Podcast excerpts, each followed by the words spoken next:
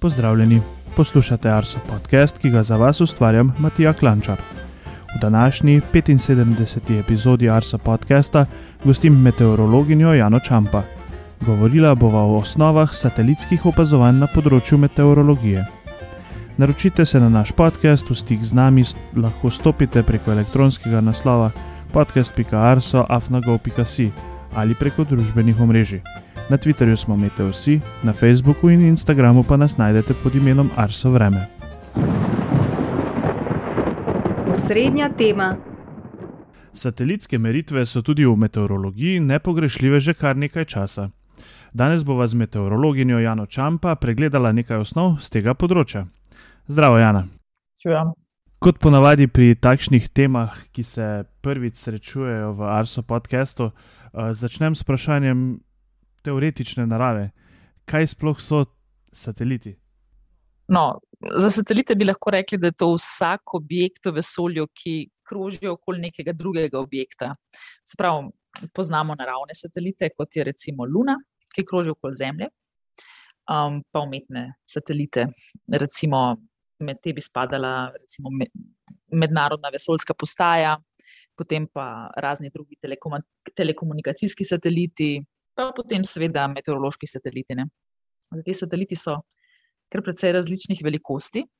Poznamo take od premjera nogometne žoge, pa do dobrih 100 metrov, kot je recimo vesoljska, mednarodna vesoljska postaja. Ti meteorološki sateliti so pa danes veliki, tam približno 2 do 5 metrov. Kdaj pa so se sploh začela satelitska opazovanja z meteorološkimi sateliti? No, tukaj bi, bi bili presenečeni, da že precej zgodaj, vsaj ko sem jaz prvič slišala, kdaj so se pojavili, sem bila kar presenečena. Um, zdaj, naj, tako prve posnetke oblakov s kamerami, recimo na raketah, imamo že iz 40 let 20. stoletja. Prav te prve satelite smo dobili pa v 50 letih. Zdaj, na raketah so bili posnetki pač zelo kratki, ne? mi smo si pa želeli malo več podatkov čez daljše obdobje. Tako res čisto prvi satelit je bil um, Sputnik leta 57. Um, mogoče poznamo zgodbo z psičko Lajko, ki je Sputnik 2 ponesel v vesolje. Um, potem naslednje leto je sledil, sledil prvi ameriški satelit Explorer. Um, seveda, ti sateliti niso imeli takšnih naprav, kot jih imamo danes. Ampak prvi vremenski satelit je pa poletel leta 1959. Um, ta prvi res je opazoval, ne bi sicer oblake, no, ampak ta misija ni bila najbolj posrečena. Tisti prvi, ki je pa zares uspešno začel delati, je bil pa satelit Tiros leta 1960.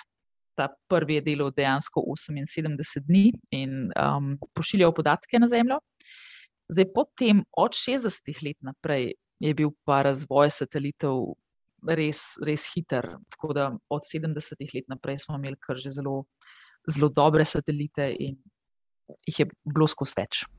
Uh, glede na to, drugač, da zadnje čase veliko slišimo v medijih okrog števila satelitov, uh, pojavlja se projekt Starlink. Uh, a jih znamo, recimo, oceniti, koliko trenutno jih je v ozračju? Ja, res je, v bistvu skoraj vsak mesec je številka malce drugačna. Um, tako je, satelite v ozračju, mislim, obstajajo organizacije, ki zelo dobro spremljajo število satelitov v zraku, čisto tako, da, da preprečijo kakšne trke med njimi. Ker to, pač, če se zgodi trk tudi z kakšnim zelo majhnim predmetom, je pač to za satelit um, konec življenja, v bistvu. Um, tako da, ja, se spremljajo zdaj, konec leta 2021, naj bi jih bilo tam okoli 7500, ampak kot rečeno, ne, vsakih nekaj mesecev se, se pač pošlje v vesolje nove satelite. Zdaj, v zadnjih dveh letih samo jih je bilo izstreljenih več kot 1500. Um, no, od tega, od vseh teh satelitov, je približno 60 takih, um, ki niso več delujoči, 40% pa jih še deluje. Um, zdaj, največ je telekomunikacijskih satelitov, kot so tudi sateliti iz programa Starlink. Približno 500 oziroma med 500 in 1000 jih je namenjenih opazovanju Zemlje, potem so pa še sateliti za navigacijo kot GPS sistem. Zdaj, dobrih deset, nekaj deset jih je pa potem res namenjeno konkretno vremenu. Mogoče se tukaj neka usporedna tema odpira, ki jo bomo mogoče pa kdaj obravnavali s kolegi uh, astronomi, kaj vse pritiče temu velikemu številu satelitov v zraku. Uh, greva morda bolj v to meteorološko zgodbo. Um, v bistvu, na kakšni vi, višini lahko v bistvu sploh letijo ti sateliti, če mi, lah, če mi znaš odgovoriti? Um, ja, vsi ti sateliti letijo na zelo različnih višinah, malo je odvisno od tega, čemu so namenjeni. Um, s tem višinam, na katerih sateliti letijo, oziroma tem njihovim tirnicam, rečemo tudi orbite.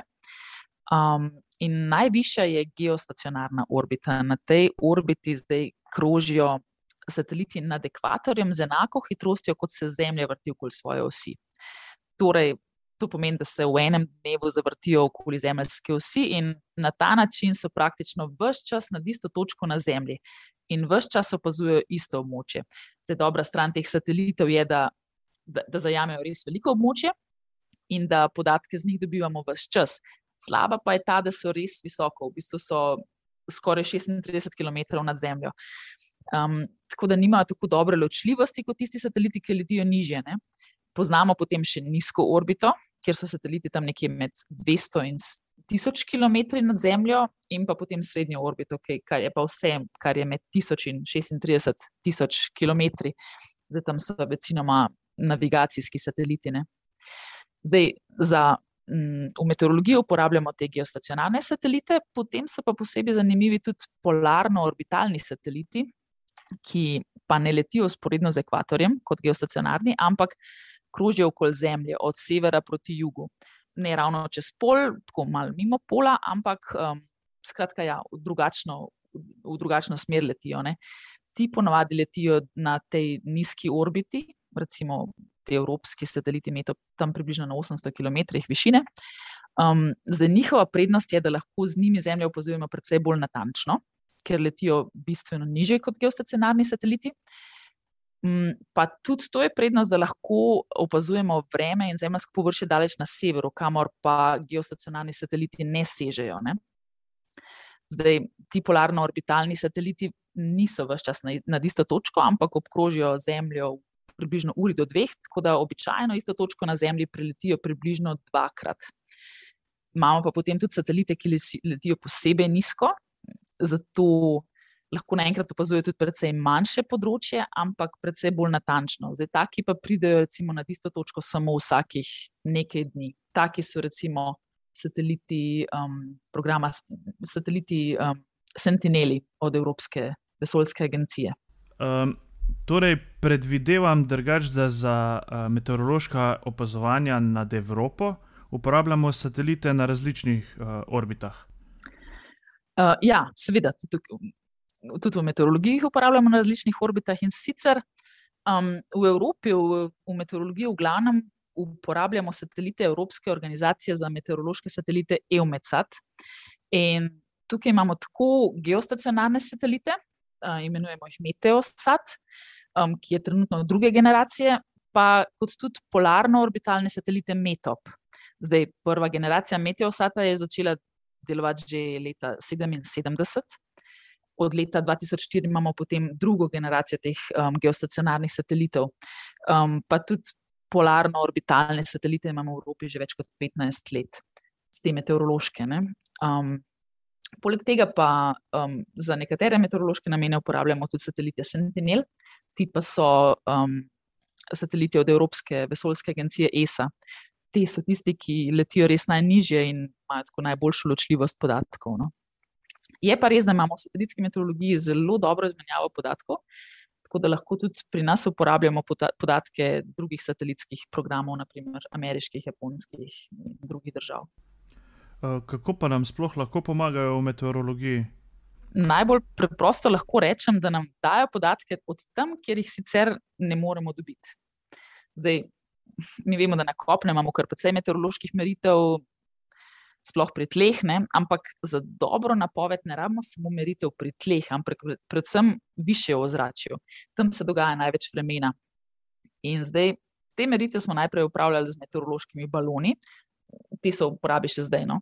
Ampak te meritve so precej redke. Recimo v Sloveniji izpustimo samo en balon enkrat na dan.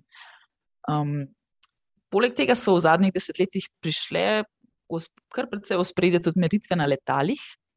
Se pravi, običajna potniška letala merijo temperaturo, veter, nekatere tudi vlago. In te meritve so v bistvu super in zelo uporabne, ker lahko te spremenljivke zmerimo prav tam, kjer letalo leti. Problem pa je tudi tukaj, da so te letalske poti precej skoncentrirane. Ne? Imamo ogromno, ogromno poti čez Severni Atlantik, Severni Pacifik, pa nad kontinenti. Ampak kaj pa naredimo tam, kjer imamo ogromna prazna območja vem, nad, nad drugimi deli oceanov ali pa nad neposeljenimi območji celin. Tam pa so sateliti dejansko naš edini vir informacij. Zdaj, sateliti žal ne morejo izmeriti temperature v eni sami točki, nekje v atmosferi, tako kot recimo termometer na letalih ali balonih, ne? ampak od satelitov te informacije dobimo posredno preko meritev sevanja. Um, kakšne meritve pa dobimo vse skupaj s sateliti? Ja, tukaj bi najprej rekla, da sateliti običajno nimajo kamere, ki bi samo slikala površje pod njimi kot fotoaparat, kot mogoče vem, si lahko kdo predstavlja. No, nekateri tudi imajo dejansko kamero, s katero slikajo površje, ampak v glavnem imajo sateliti veliko, veliko število različnih inštrumentov, ki na različne načine zaznavajo sevanje. Se pravi, sateliti merijo sevanje in sicer po eni strani sevanje sonca, ki se odbija od oblakov ali zemeljskega površja, ali pa se siplje na delcih v ozračju. Po drugi strani pa sevanje, ki ga oddajajo vsi elementi ozračja, kot so recimo oblaki, vodna para, različni plini in pa seveda samo, samo zemeljsko površje. Zdaj, sateliti izmerijo sevanje, ki pride do njih, potem pa te meritve uporabimo, da preračunamo. Eh, da iz tega preračunamo druge količine. Zdaj, mi vemo, da, da telesa z različnimi temperaturami oddajajo sevanje z različnimi valovnimi dolžinami. Um, poznamo cel spektr elektromagnetnega valovanja. Um, v vidnem spektru, recimo, imamo valovne dolžine nekje od 400 do 700 nanometrov, to je ta svetloba, ki jo vidimo, od vijolično do rdeče barve. Krajše od tega je ultraviolično sevanje, na drugi strani pa imamo potem infrardeče valovanje. Ti valovi so daljši od valov iz vidnega spektra, teh ne vidimo z očmi, jih pa zaznamo kot toploto. Se pravi, recimo Sonce precej seva v ultravioličnem in vidnem območju, ker ima zelo visoko temperaturo. Zemlja in oblaki so pa hladnejši, pa sevajo v infrardečem delu spektra. In zdaj, ker vemo, da različni elementi ozračja zaradi različnih temperatur oddajajo sevanje z različnimi valovnimi dolžinami, lahko to uporabimo za preračunavanje temperature. Potem, poleg tega, tudi vemo, da nekateri plini v ozračju, kot naprimer vodna para, absorbirajo sevanje v relativno oskih delih spektra. In potem lahko iz primerjave količine zaznanega sevanja pri različnih valovnih dolžinah sklepamo recimo tudi na količino vodne pare v atmosferi. A lahko mogoče dobimo tudi uh, meritve vetra? No, vetra s temi običajnimi sateliti ne moremo res meriti direktno. Lahko si, na primer, pomagamo z opazovanjem oblakov.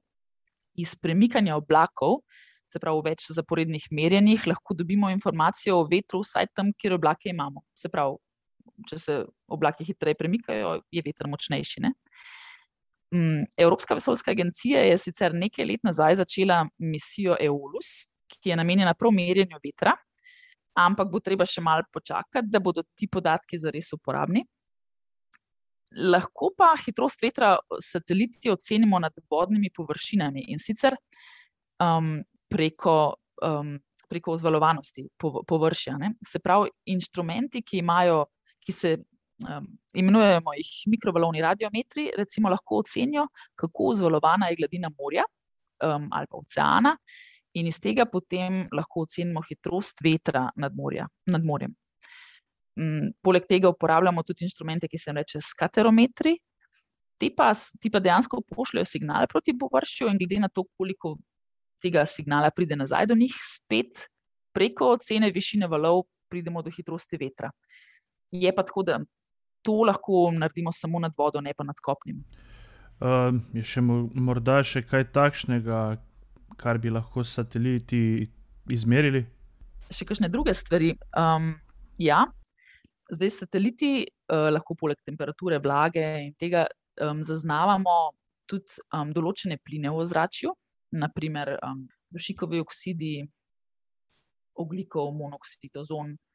Uh, lahko merimo tudi količino aerosolov oziroma delcev v ozračju. Naprimer, vse te stvari se zelo dobro vidijo pri kakšnem vulkanskem izbruhu ali pa tudi v okolici zelo nesnaženih mest. Um, potem lahko merimo recimo stvari, kot je količina planktona v oceanih, višino morske gladine, obseg snežne odeje, vse sorte stvari. Naprimer, lahko zaznamo tudi m, količino listja na drevju. Ne? Se pravi, vidimo razliko med poletjem in zimo, ko, ko ni listja in takrat, ko, ko, naj, ko, so, ko so drevesa najbolj zelena. Lahko tudi zaznamo, če so tla suha ali pa bolj namočena. Skratka, veliko informacij no, nam dajo. Eh, verjetno so poslušalci že slišali, da se sateliti omenjajo tudi razni kanali. Zdaj me pa zanima na tem mestu, um, katere kanale uporabljamo, pa zakaj. Večina satelitov uporablja zdaj več kanalov. In kaj kanal sploh je? Kanal je v bistvu en pas določene valovne dolžine, sevanja, um, pri katerem je um, določen instrument občutljiv na sevanje. Imamo, imamo instrumente, ki zaznavajo le sevanje določenih valovnih dolžin. Ne? Imamo instrumente, ki zaznavajo pa potem več kanalov. Um, zakaj zdaj kompliciramo z različnimi kanali? Prej smo rekli, da telesa oddajajo ali pa absorbirajo sevanje z različnimi valovnimi dolžinami. Um, vsak plin ima recimo tudi točno določene valovne dolžine, kjer absorbira sevanje. In na ta način lahko iz primerjave sevanja, izmerjenega v različnih kanalih, dobimo informacijo o teh posameznih plinih.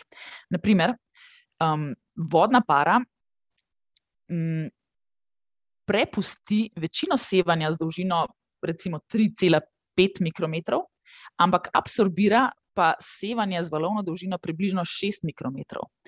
Če primerjamo zdaj zaznano sevanje v teh dveh kanalih, nam to da informacijo o vsebnosti vodne pare v ozračju. Podobno je tudi z drugimi plini, naprimer oglikov dioksid, ozon. Um, naprimer, podobno tudi zeleni listi, zelene rastline, sevajo različno, naprimer pri nič celih šest in nič celih osem mikrometra. Zdaj, če merimo sevanje v obeh kanalih, lahko dobimo informacijo o tem, kako zelen je gost.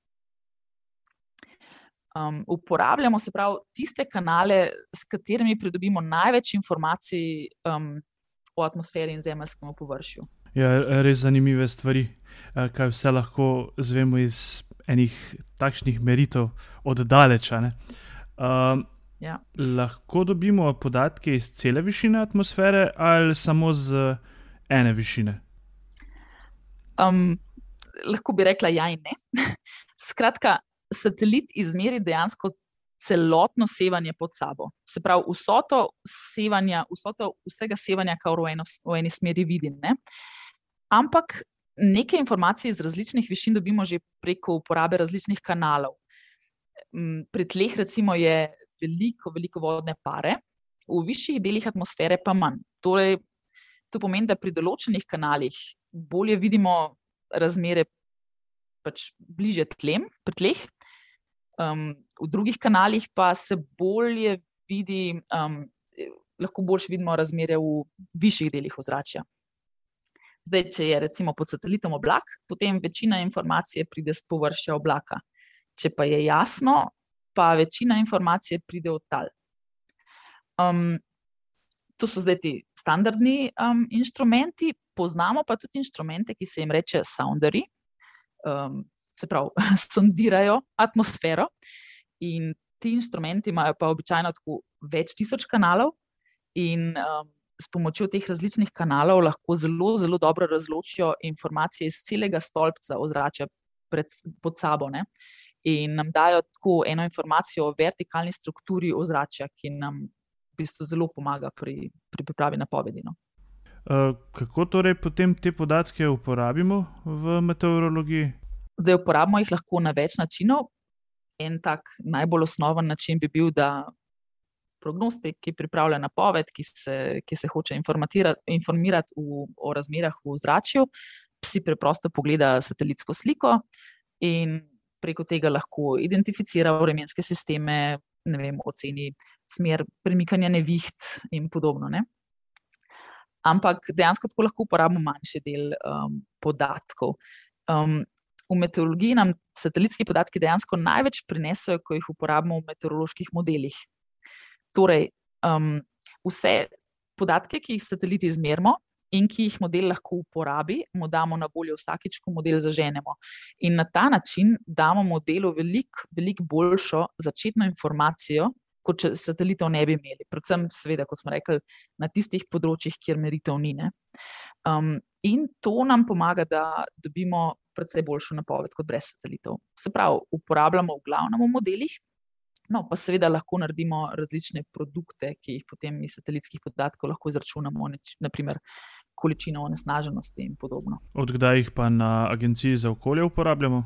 Um, zdaj na, na ARSO smo polnopravni člani mreže EUMECAT, se pravi Evropske agencije za meteorološke satelite od leta 2008 že prej pa smo podatke dobivali po drugih poteh, če ne drugače, recimo preko izračunov globalnih modelov, ki jih dobimo iz drugih večjih meteoroloških centrov.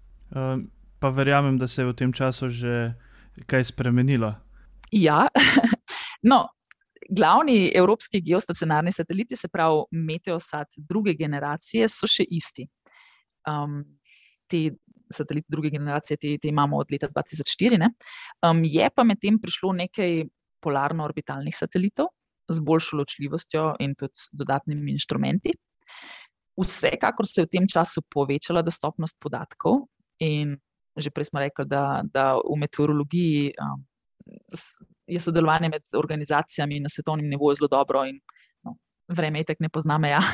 Um, tako da dejansko zdaj dobivamo tudi podatke drugih, recimo ameriških, japonskih satelitov. Tako da količina podatkov, pa dostopnost podatkov, v glavnem, to se je zdaj v zadnjih letih izboljšalo. Tukaj v Evropi, drugače so, recimo Ameriki, v Ameriki, na Japonskem, druge države so že kar precej prenovile tudi svoje geostacionarne satelite. Pa poglejva za konec še malce v prihodnost. Uh, kaj lahko pričakujemo v naslednjih letih uh, na področju samega razvoja uh, satelitov? Ja, zdaj tudi v Evropi precej sledi, sledimo mislim, tudi temu razvoju meteoroloških satelitov. In tako da upam, da se nam v naslednjih dveh, treh letih obeta uvedba nove serije geostacionarnih satelitov, se pravi Meteosat tretje generacije. Um, razvoj se vedno lahko malo mal zamuja, tako da upamo, da bo res zdaj v naslednjih, uh, v naslednjih letih. Zdaj, dobra stran teh novih satelitov bo predvsem to, da bodo imeli dvakrat večjo ločljivost, kar bo recimo izjemno pomembno, predvsem pri napovedovanju neviht. Um, se pravi, večjo prostorsko ločljivost, ampak tudi časovno. Se pravi, podatke bomo dobivali bolj pogosto. Um, zdaj, ta inštrument za to standardno opazovanje atmosfere, kot je že zdaj na meteosatih druge generacije, bo imel malo spremenjene kanale, z njimi se bo dal recimo nekatere spremenljivke bolj natančno določiti. Um, prinaša pa tudi nekaj večjih novosti. Ena bo senzor razelektritev. To pomeni, da bomo iz vesolja lahko opazovali strele v nevihtnih oblakih. To je zelo koristna informacija, če želimo um, oceniti intenziteto neviht. Um, drugi tak senzor bo um, sounder uh, na geostacionarnem satelitu, se pravi inštrument, ki nam da te vertikalne profile spremenljivk, ne, podatke iz celega stolpca atmosfere. Um, prihaja pa tudi inštrument za opazovanje sestave ozračja, torej za merjenje različnih plinov v atmosferi. Zdaj, te inštrumente smo zdaj že imeli, ampak samo na polarno-orbitalnih satelitih, kar pomeni, da niso bili več čas nad enim mestom, ampak so samo dvakrat v enem dnevu um, prišli recimo, na, na isto točko. Se pravi, zdaj pa jih bomo imeli na geostacionarnih satelitih, kar pomeni, da bomo imeli res kontinu, kontinuirano opazovanje teh spremenljivk. Ne? Se pravi, te novosti bodo res. Um, prinesle kar veliko izboljšanje no, in omogočile tudi precej za bolj zanesljive napovedi. Tako da se jih zelo veselimo. No. Uh, Jana, najlepša hvala za tvoj čas, pa za tale zanimiv pogovor o, o vseh uh, novostih, ki nas še čakajo, in pa seveda v pogled v meteorološke in pa ostale satelite. Verjamem, drugač, da bova kakšno temo odprla tudi kdaj drugič. Ja, z veseljem, če kdaj. Obeti. Nekaj več o vremenu naslednjih dni bo z vami delila Veronika Hladnik Zakotnik. Po daljšem suhem obdobju smo v torek le dočakali padavine v večjem delu države. Tudi v gorah je zapadlo nekaj 10 cm novega snega, ki pa je padel na trdo in ponekod poledenilo podlago, zato se je tudi slabo sprijel. Ob tem se je povečala nevarnost snižnih plazov na tretjo stopnjo in je znatna, po 1500 metri pa večinoma zmirna druge stopnje. Temperature so bile po obdobju nadpovprečnih temperatur od sobote spet primerne letnemu času. Pred nami pa so spet bolj suhi dnevi, tudi temperatura bo postopno naraščala in petek bo čez dan spet okoli 15 stopinj Celzija. Danes sredo bo sprva na zahodu več jasnine, na vzhodu pa bo še deloma oblačno ali megleno, čez dan bo zapihal jugozahodni veter. Na zahodu se bo čez dan zato pooblačilo, na vzhodu pa deloma zjasnilo. Temperature bodo od 6 pa do 12 stopinj. Četrtek bo vetroven predvsem v vzhodni polovici države, pihal bo okrepljen jugozahodnik. Tam bo še precej sončno vreme, na zahodu pa bo ostalo pretežno oblačno. Še kakšno stopinjo topleje bo kot v sredo. Tudi v petek bomo še pod vplivom jugozahodnega vetra, a pričakujemo povsod več sonca. Na jugovzhodu bodo temperature čez dan okoli 16 stopinj Celzija. Več oblačnosti se ponovno obeta ob koncu tedna. V soboto nas bo dosegla vremenska motnja, predvsem sredi dneva, popovdne in zvečer bo deževalo, do nedeljskega jutra pa bodo padavine predvidoma povsod ponehale in nedeljo še zdan pričakujemo razjasnitev. Vetroven bo, kot kaže, tudi ponedeljek, prav tako je takrat povečana verjetnost za padavine, na to kaže na bolj suho vreme.